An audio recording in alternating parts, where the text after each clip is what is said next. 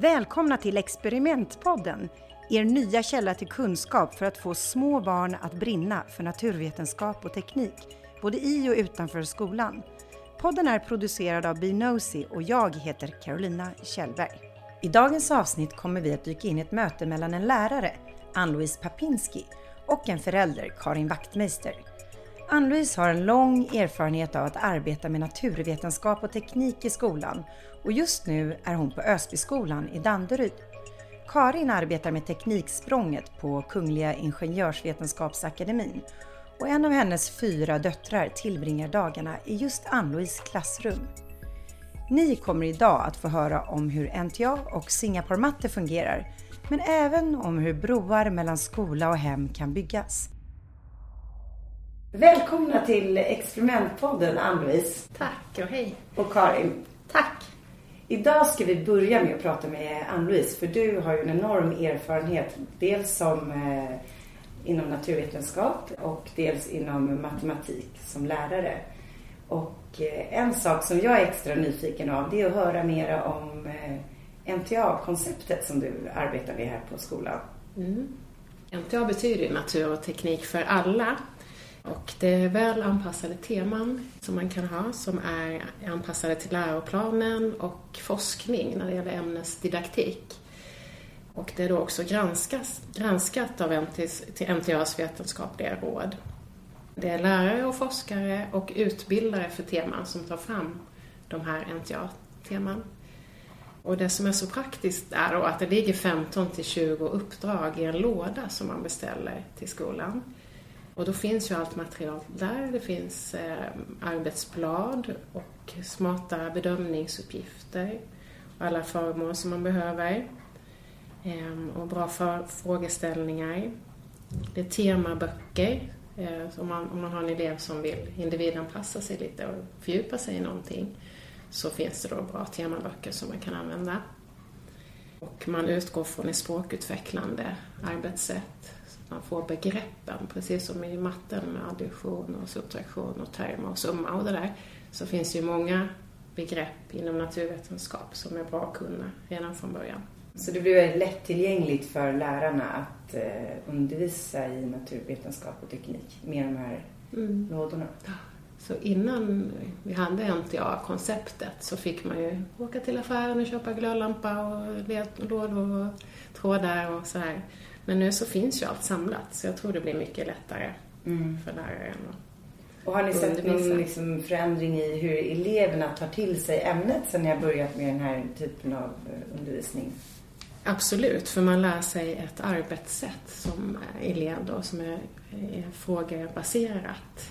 Där eleven, man utgår från elevens eh, eh, verklighet och så ställer man en fråga som man undersöker gör en förutsägelse och sen så gör man en, ett uppdrag och sen så dokumenterar man och kommer fram till nya frågor. Eh, och det lär ju sig barnen ganska snabbt och sen att man dokumenterar resultaten också. Och här är det naturvetenskapliga arbetssättet som verkligen präntas in. Det är ju dels kunskap med naturvetenskap men det är arbetssättet som är väldigt, väldigt viktigt som de kan applicera på många områden. Mm. Precis, så är det ju. Men du arbetar ju här i lågstadiet och eh, hur är generellt intresset för naturvetenskap och teknik bland eleverna du stöter på? Nej, men jag tycker att eh, överlag så har elever väldigt stort intresse för naturvetenskap redan från början. De har ju många föreställningar om vad naturvetenskap är. De hoppar i vattenpölar och de pyser ut luften i ballonger och vet att det kommer vattenånga när det kokar på spisen. Och så de vet ju jättemånga saker redan. Och så tycker jag att det är väldigt tacksamt att jobba med naturvetenskap för att det är ett intressant material och det är bra frågeställningar och så. Det är lätt att göra det intressant. Och det är ju säkert för att du också är duktig på att, eh, att spinna vidare på barnens eh, små intressen de sätter igång. Mm. när vi gör utvärderingar efter varje tema så är det ja, nästan alla tycker att det är jätteroligt med ja, det är så. MTA och naturvetenskap. Då har ni verkligen lyckats. Mm. Men varför tycker du att det är viktigt att få små barn att brinna för de här ämnena? Eh, ja, men barn testar ju redan när de är små och då är det ju viktigt att hålla det intresset vid liv, tänker jag. Eh, de är ju vana sedan förskolan att ha ett undersökande arbetssätt redan. Eh, och de ställer frågor så jag tror att både som lärare och förälder så gäller det att, att fånga det där med sina öppna frågor. Mm. Det kan vara till exempel eh, Har du sett det här? Eller hur skulle du få den här växten att växa åt andra hållet? Hur gör man det? Att det är liksom så här problemfrågor som ställer upp ett problem. Och att man låter barnen testa. Att man inte är rädd för det då, som, som förälder eller lärare. Um. Ja, och när du pratar om då ett sådant problem så sa du till exempel att man kan tänka hur blomman skulle kunna växa åt andra hållet. Mm. Har du några fler sådana små exempel? Ja, men har du lagt märke till, är ju en bra fråga, att mm. man nästan eh, låtsas vara lite dum som lärare, eller så att man är väldigt nyfiken. Eh, hur tänker du då? Menar du att? Eh, att de frågorna är viktiga. Så, att, eh, så hellre än att ge dem svaren så skapar du förutsättningar för dem att tänka ut ett eget svar. Precis. Mm. Mm. Så lärarens roll är väldigt viktig då. Och när, när förklarar du hur det är? När kommer det in i? Egentligen inte förrän när man har gjort sin förutsägelse och gjort sitt uppdrag eller experiment. Och sen kommer de fram till ett svar. Då diskuterar vi ofta varför blev det olika?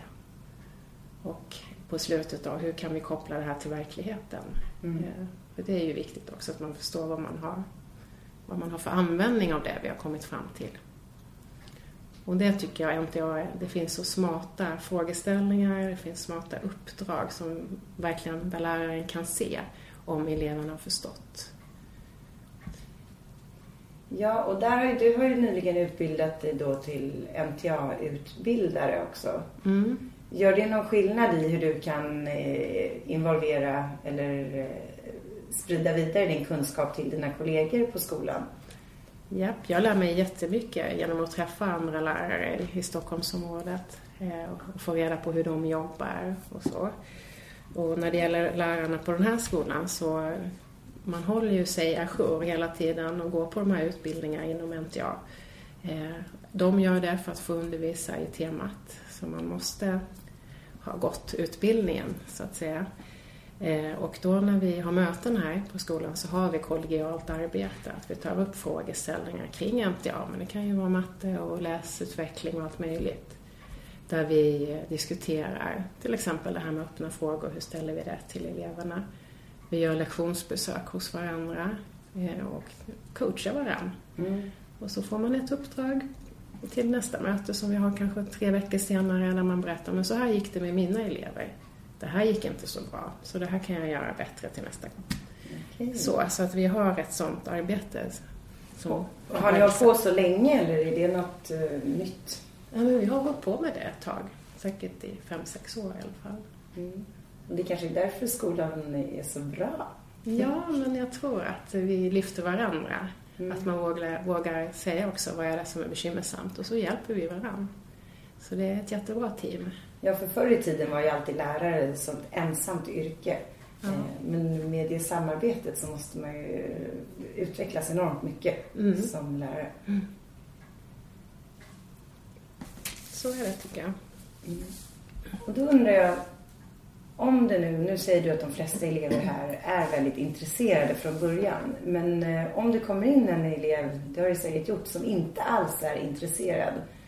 Har, har du gjort något speciellt någon gång som har fått den att fatta intresse för de här ämnena?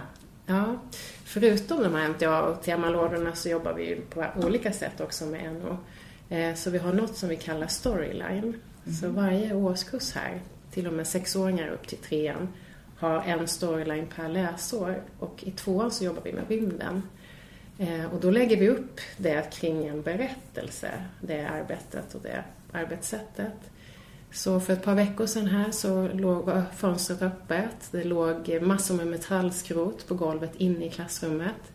Och på, uppe i, i lampan så hängde det en drönare med ett litet meddelande från yttre rymden med rymdskrift.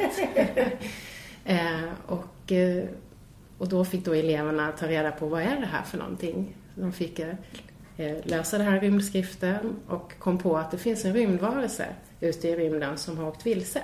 Mm. Och eh, han ser 14 månader framför sig och då börjar vi, vill ju de forska om vilken planet det är som har 14 månader. Det måste vi undersöka. Och sen är arbetet igång. Och då kan man tänka sig när metallskrotet ligger där och drönaren är där så är det ett par elever som säger nej men det här är inte sant, hon bara försöker lura oss. Mm. Men så vill man så gärna tro på att det här är sant så att alla efter ett tag tror att det är sant och så jobbar vi på enligt den här storylinen då. Vad härligt! Och där fångar man ju alla. Ja. För att det är så kul. Det ska vara kreativt och, och skapande och så. Mm. Och så smittar kanske nyfikenheten av sig i gruppen också. Ja, precis. Man vill tro att det är så på riktigt. Vad kul! Så det är ju ett sätt. Mm. Annars så um, att man får fördjupa sig i något som man själv är intresserad av. I tvåan nu så gör de egna bildspel eller powerpoint som, om ett ämne. Och då är det jättemånga som är intresserade av naturvetenskapliga saker. Det kan vara människokroppen och rymden och sådär. Men hur plockar du upp det i en klass med så många barn? Hur stora är dina klasser? Eh, de är 24 i varje. Så när du säger att man bygger på något av deras eget intresse, röstar de fram det som grupp då eller tar du enskilda individers önskemål? Ja, jag tror att en del vill ju ha det där extra som har en annan läshastighet eller som kan lite mer och då ehm, så har man ju den kommunikation med det barnet bara, mm. vad de vill göra. Och varje fredag så har vi en liten stund då det faktiskt är jättemånga som har gjort sådana här bildspel om allt möjligt. Mm. Eh, som visar för klassen eh, vad de har hittat. Det kan vara om djur eller om Afrika eller om någon känd uppfinnare eller egentligen vad som helst. Och växer barnen när de får hitta på själva? Ja, verkligen. Dels att göra ett bildspel men också stå framför klass såklart. Mm. Mm. Vi har något som heter Grey of the Day men vi har egentligen Grey of the Week, för vi har en sån grej i veckan.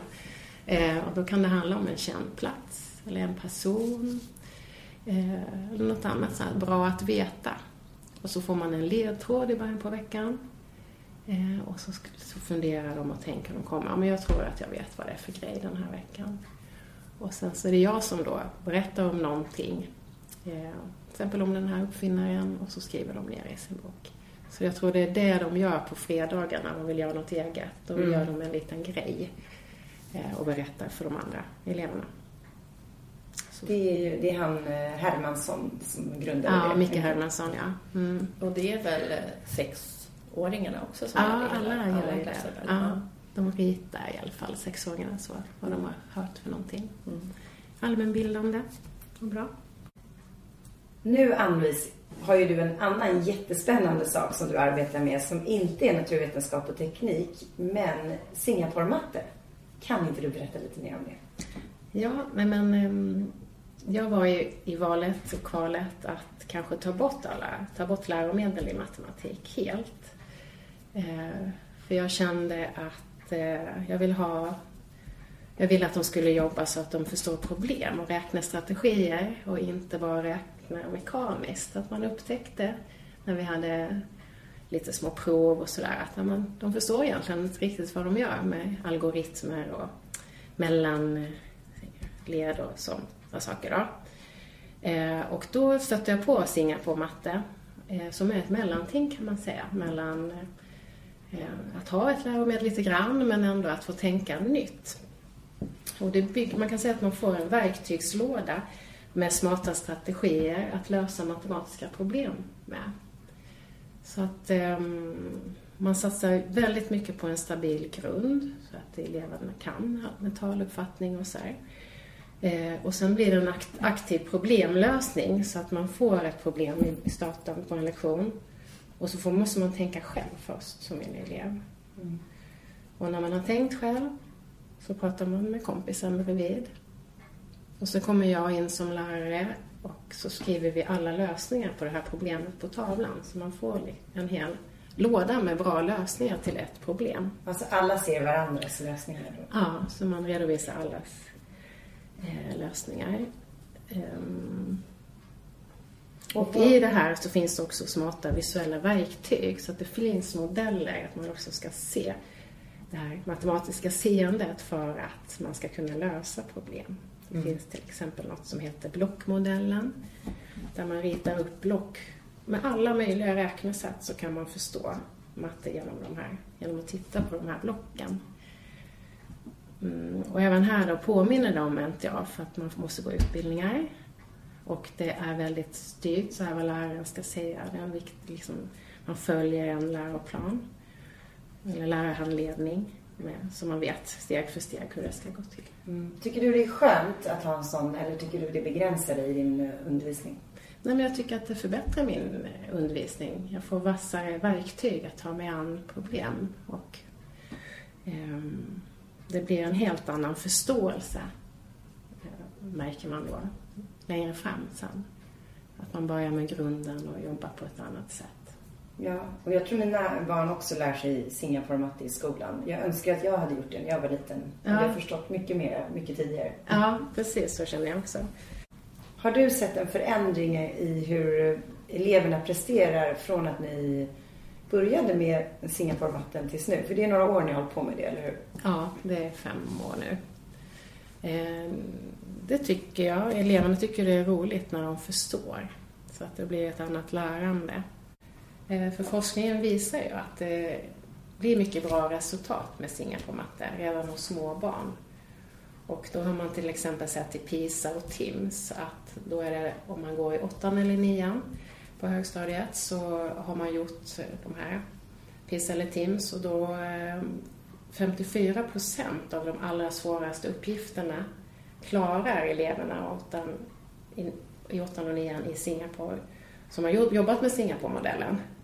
Men i Sverige så är den siffran bara 3 procent. Så det är ganska stor skillnad och det tyckte jag var jätteintressant. Eh, Men och ni på er skola, du har ju också sett förändringar bland eh, elever när ni gjort lite utvärderingar. Ja, så jag kan redan nu, har jag en årskurs två, så kan jag se att de skulle lätt klara nationella proven i trean. Att de har en, kanske ett år redan nu, högre mattenivå i sitt tänkande. Så jag tror verkligen på den här metoden.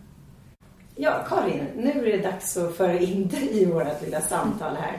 Du har ju tidigare inte så mycket erfarenhet av naturvetenskap och teknik utan är här i form av förälder till massa barn. Eller i alla fall fyra. Fyra stycken, ja. och, eh, men det intressanta är ju att nu sen eh, ett tag tillbaka så har du ju rätt bra koll på varför naturvetenskap är så viktigt. För att du har börjat jobba på Ingenjörsvetenskapsakademin, IVA. Och eh, kan du berätta lite hur din syn på varför det är viktigt att få barnen att gilla naturvetenskap och teknik tidigt har ändrats i och med det mm eh, nej men, eh, sen två år tillbaka så har jag jobbat med Tekniksprånget på Kungliga Ingenjörsvetenskapsakademin och det vi gör genom Tekniksprånget är att, eller det är ett praktikprogram för att eh, eh ge ungdomar mellan 18 och 20 år en chans att testa på ingenjörsyrket innan de väljer sen att plugga vidare eh, på högre, en högre teknisk utbildning. Ehm, så det, det finns, ingenjörsyrket är ju så diffust, i alla fall för, för mig då som inte har den bakgrunden av naturvetenskap och, och teknik och det området. Och eh, ungdomarna då eh, som har, de har läst natur eh, eller teknik på gymnasiet Eh, Eh, och då kan man söka Tekniksprånget. Så de har ju intresset men, men just att med hjälp av praktiken ska de kunna eh, testa på yrket och komma fram till vad det är de vill plugga. Eh, så det, det har ju helt klart ändrat min syn på varför det är viktigt att få just mina barn att gilla naturvetenskap och teknik. För att man inser, när man, när man ser vilken stor roll det spelar idag, eh, just med, med de utmaningarna vi står inför i samhället, så, så är det Eh, man ser att det, det, de som kommer med lösningarna och för utvecklingen framåt är ju just de här som tänker, liksom har ett problem som man vill lösa och eh, det, det tänker jag grundar sig väldigt mycket i de här ämnena. Mm. Så nu har din syn på det här ändrats. Och du har ju flera döttrar. Hur ska du göra nu för att få dina döttrar intresserade av de här ämnena? Ja, hur ska jag göra? Alltså det som, om, om man backar lite bara och ser på min erfarenhet genom jobbet så ser vi att just kvinnorna är, det är där vi måste jobba extra mycket för att de, de har ett intresse och är otroligt duktiga på, på matte eh, bland annat. Men de saknar självförtroendet just att ta den här eh, göra det här valet att, att välja ingenjörsyrket. Så det är ju ännu viktigare för tjejerna att, att då testa på yrket och kanske eh, uppmärksamma dem tidigt just om vad det innebär. Och jag kan hålla med om det där att det är lite torrt eh, så som ingenjörsyrket eh, mm. presenterades för. Jag är ju själv ingenjör och mm. fick gå och titta på väldigt mycket så här illaluktande pappersmassafabriker och mm eh, tråkiga, oattraktiva arbetsplatser. Men nu börjar det ju ändå, det där tycker jag har ändrats idag. Ja men verkligen, för man tror kanske, eller man, men, men jag har bilden att det är liksom bygga broar och det är kugghjul och kraft och, men det finns ju så otroligt mycket, det är ju så, så himla komplext. Och jag inser själv att i vardagen så gör vi ju, alltså barnen är redan jätteintresserade av naturvetenskap och teknik, bara att Ehm, jag saknar kanske den här, det här tänket, det här mindsetet just för att ta fram de här frågorna som du pratar om, Ann-Louise, ehm, för att väcka deras nyfikenhet och låta dem tänka. Så, eh, Tror du att skolan på något sätt skulle kunna hjälpa dig som förälder att eh, jobba liksom enligt det skolan gör fast den i hemmet mer? Ja, alltså vi har redan en bra eh, dialog eh, mellan skolan och föräldrarna tycker jag. Att eh, skolan är väldigt duktig på att skicka ut vad de har gjort i veckan på NTA och så. Men ehm, kanske ännu mer, för jag tänker när jag hör Ann-Louise prata så skulle jag nästan vilja ha en, en liten föreläsning vad vi föräldrar kan göra i hemmet som binder ihop det ni gör i skolan. Att ja, men just ställa de här följdfrågorna och ehm, Eh, ett, eh, att lägga på en, en nivå hemma som, som eh, ja, men just binder ihop skola och eh, hur, man, hur man tänker hemma och har en frågeställning som är sund just i det här området. Men när du får de här breven då från skolan, är det så att du hinner läsa igenom dem och ta till dig av innehållet eller hur skulle du behöva guidas? Eh, jag läser absolut eh, breven, eh, det gör jag. Och så, men så är det ju lätt, så blandar jag kanske ihop vad, vad Diana gjorde på NTA och vad Matilda gjorde i NTA. Men där är det ju, det ligger ju inte bara på skolan utan det ligger ju på föräldern också. Jag var med en dag hos varje barn i klassen, vilket var jättekul att vara med då. Mm. När de skulle experimentera med olika vätskor, om det var olja och lim och vatten och så skulle de alla utvärdera och, och först eh, säga vad, vem de trodde, vilken vätska de trodde skulle vinna. Så det är ju, det är ju, det är ju inte bara skolan som ska ehm, eh, säga till oss hur vi ska tänka, utan vi, det är ju verkligen upp till föräldern också. Så Ja, och det, jag håller verkligen med. Men ibland kan det vara också, vad jag försöker få fram här är lite vad kan vara problematiken, det som hindrar dig från att liksom kunna göra mer av det skolan håller på med hemma? Eh, jag tänker just att, ehm, som jag sa så tror jag att vi gör väldigt, vi har väldigt mycket naturkunskap hemma redan. Vi gör slime och eh, Axel som i tre står och diskar och med diskmedel bildat bubblor och eh, vi tittar på, vi krattar löv och pratar om eh, träden som, eh, som ska sova. Och, eh, så att det finns där hela tiden. Ehm, Men du kanske då, det sa du ju tidigare som förälder känner att du skulle vilja förklara mer. Men så vet du inte hur du ska förklara. Nej, nej men precis så är det. Och just eh, det är ju brist på, på kunskap och um, just att, att vi, vi har inte de tankegångarna. Eh, och, och jag då som inte har den bakgrunden. Mm. Eh, men, eh, men den vill vi ju inte ska, ska hindra barnens egna uppfinningsrikedom. Nej, men när jag då får sådana frågor av mina barn som jag inte kan svara på, då går jag ju, ofta om jag då hinner just då eller kommer att tänka på det, så går jag in och googlar på någon bra förklarande video. Men då gäller det ju att videorna är pålitliga. För det tänker jag också att eh, om skolan har, om du Ann-Louise har tips på bra eh, appar till exempel. Eh, för jag har ju sökt på de här ämnena, speciellt nu inför, inför idag när vi skulle prata om detta. Eh, och det finns ju så otroligt mycket, men som du säger eh, så vet man inte vad som är pålitligt, vad, vad passar det ni gör just nu.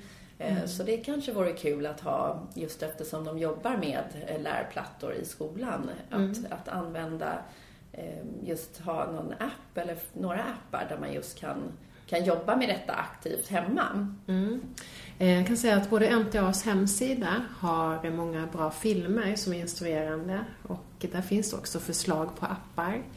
Eh, jag brukar tänka så att när vi går på studiebesök på museum, det finns ju så många bra museum, till exempel Naturhistoriska museet eller Tekniska museet. Går man in på deras hemsidor så hittar man jättemycket bra material och förklarande filmer. Så, så det kan man absolut göra. Så finns det ju appar också som vi kan bli bättre på att tipsa om i skolan i veckobreven. Jo, men där undrar jag då hur du ser föräldrarna. Ser du dem som en resurs eller ett hinder? Nej men verkligen som en resurs. Vi använder ju föräldrarna mycket. Vi bjuder in att ni får berätta om era yrken. Eh, Vi får också komma på studiebesök till föräldrarnas arbeten. Och det tycker ju barnen är jättespännande. Och så är det ju klart lite olika eh, jobb då just man får se. Och ändrar de då uppfattning? Vad, vad är det vanligaste folk vill bli i klassen när man frågar dem vad vill ni bli? Oj, det var svårt. Kanske eh, designa någon hemsida eller polis och brandman. Menar, de här är ju ganska små så att de ser ju lite sådana spännande yrken som man vill bli. Ja, men jag tänker då kanske om de går på studiebesök och ser lite andra grejer, kanske de ändrar sig. Ja. Vi var bland annat på någon sån här spelutvecklingsbolag där man fick se hur man gjorde ett spel. Det var ett hästspel. Och då blev det jätteintressant vilka olika arbetsuppgifter det finns på ett sånt företag och hur mycket teknik det är på ett sånt arbete. Sen har väl föräldrarna också, om vi återgår till det här med matte, så har föräldrarna efterfrågat en, en mattemanual. Eh, för att man tycker att man lär sig inte matte på riktigt samma sätt nu som man gjorde när man själv gick i skolan. Eh, så det har vi gjort och lagt ut på hemsidan också. För att man ska förstå det här med Singapore-matte som är lite, lite annorlunda. Hur man räknar och hur man förklarar. Eh, och det lät ju väldigt intressant där med att om man, föräldrar vill komma och man håller en liten föreläsning i matte eller naturvetenskap så är det jätteroligt. Mm. Om det finns ett intresse. Så jag vill nog gärna det faktiskt. Mm, det kanske är nästa steg framåt. tror jag verkligen. Och sen just det här, um, i och med att jag jobbar med Tekniksprånget då, eh, att komma ut i praktiken, att se någonting i verkligheten. Och som du säger, barnen om ni går ut till en arbetsplats, det är ju så otroligt viktigt just det här att se samband. För jag såg samband väldigt sent. Och det tycker jag också det här handlar om, att allting hänger verkligen ihop. Och hur man, ja, men man går till, till vad, vad ett framtida jobb då, föräldrarnas jobb, vad man kan bli när man blir stor. Men det är ju det mamma och pappa jobbar med och, och just att det, det knyter ihop allting. Så jag tror just det där blanda det teoretiska med det praktiska. Eh, jag tror jag är otroligt givande eh, tidigt. Och när det gäller också att få in och ta hjälp av föräldrar så handlar ju, jag, jag som förälder själv slänger in och ut mina barn på de olika skolorna och springer och hit och dit. Det är väldigt, man, man har väldigt lite tid känns som förälder. Så det hinner ju, gäller ju att hitta ett sätt som får föräldrarna inte bara att vilja engagera sig men också att eh, ha möjlighet att hinna engagera sig. Jag brukar skicka hem en fråga till mina elever så när vi har gjort något speciellt. Så här, kan inte du fråga din mamma eller pappa om det här? Ja. Eh, och så kanske de inte vet och då får du berätta vad du har lärt dig idag. att man också kan lägga lite, lite, även om de är små så kan man lägga lite på barnen också, att de får berätta. Mm. Sen är det inte säkert att de kommer ihåg, men några gör ju det. Mm. Ja, det kan också vara ett bra sätt. Ja. Mm. Och då blir de länken mellan skolan och, och hemmet. Vi har ju elevledda utvecklingssamtal på skolan också, där vi då man bjuder in föräldrarna och att eleven själv berättar och hur, hur det går i varje ämne. Mm. Så inte så här traditionella utvecklingssamtal utan när de blir lite äldre här så har vi elevledda. Och där tror jag också föräldrarna lär sig lite av vad barnen kan och vad de har lärt sig. Och hur tänker ni när ni gör elev... Vad är syftet lite med elevledda att när man berättar själv som elev om vad man har lärt sig så lär man sig det en gång till. Mm. Så det är ett ganska gediget arbete att förbereda den här portföljen med olika ämnen. Det här har jag gjort, det här vill jag visa för mina föräldrar och berätta om. Och då blir man stolt. Mm. Men där är ju också, tänkte jag på det, apropå det tar tid. Som lärare har ni väldigt begränsat med tid nu för tiden. Och eh, balansen mellan vad ni ska fokusera på är ju inte helt lätt. Så tar det mycket tid att involvera föräldrar? Eh, ja, det gör det ju. Eh, och sen som du säger så föräldrar har inte alltid jättemycket tid. Så det är ju intressant det här att få reda på vad är det som ni efterfrågar. Så, så att man gör det på rätt sätt. Ja, för du vill ju absolut inte slösa tid som är så värdefullt. Nej, det ligger väl något i det.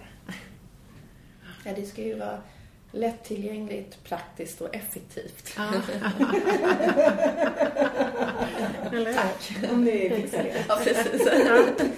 Försöka. Men med det tror jag vi har pratat om eh, massa intressanta och spännande saker idag. Och jag vill tacka er jättemycket att ni kom hit till Experimentpodden. Jättekul att få vara med. Ja, verkligen. Tack. Tack för att du har lyssnat på Experimentpodden, en Binosi-produktion med mig, Carolina Kjellberg. I nästa avsnitt får du hänga med mig till London och träffa Stuart Bamford. Med naturvetenskap som grund har han startat tre mycket populära förskolor. Missa inte att få höra mer om hur han på Rocket Productions förskolor arbetar och tänker.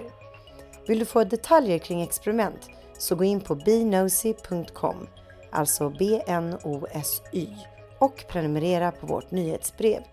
Vi hörs snart!